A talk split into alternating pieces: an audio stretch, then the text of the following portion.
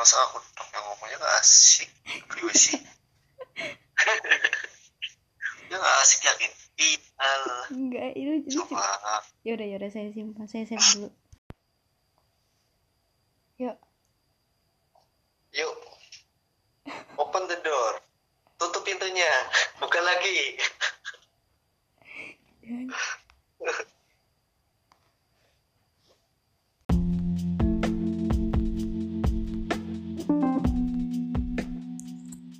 Satu, dua, tiga, cek dimulai.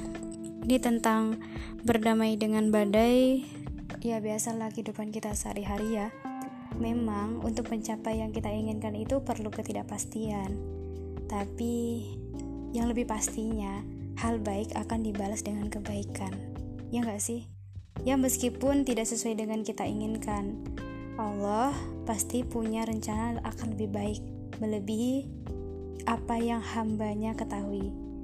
Intinya, tugas kita itu hanya terus mena menanam kebaikan, seperti itu kan.